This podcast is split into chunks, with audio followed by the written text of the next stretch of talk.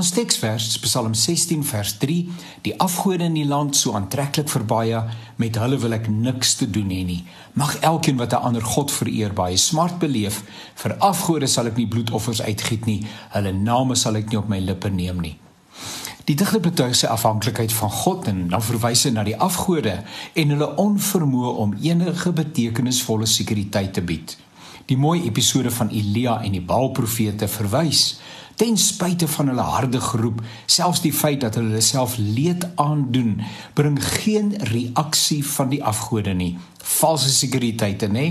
Niemand antwoord nie, want daar is niemand anders nie behalwe die lewende God, die Vader van ons Here Jesus Christus, ons verlosser en heiland.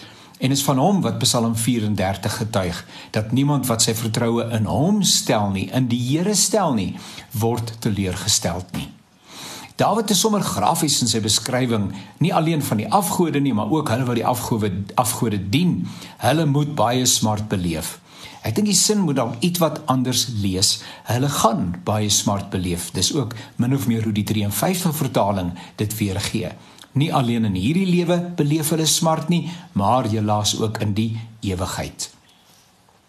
Binne ons konteks is daar sprake van twee kulture. Daar's 'n wêreldse kultuur en daar is 'n koninkryks en daarmee bedoel ek die koninkryk van God, 'n koninkrykskultuur.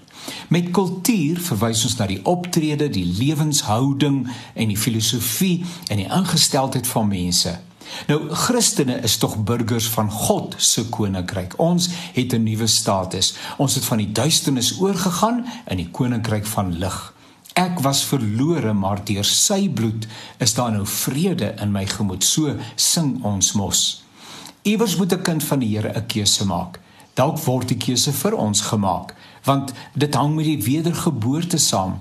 Ons lojaliteit skuif dramaties. Ons is nou lojaal teenoor die dinge wat met ander woorde gehoorsaamheid aan God kenmerk en van hierdie wêreld 'n beter plek maak. Die heersende kultuur is onverskillig. Dis die wêreldse kultuur. Trap my nie agtig op eie belang ingestel. Dis die hoogste wins. Dis die manier waarop ongelowiges hulle lewens inrig. Ons sien dit grafies uitspeel in Suid-Afrika. Daar's nie meer respek vir mense lewens nie.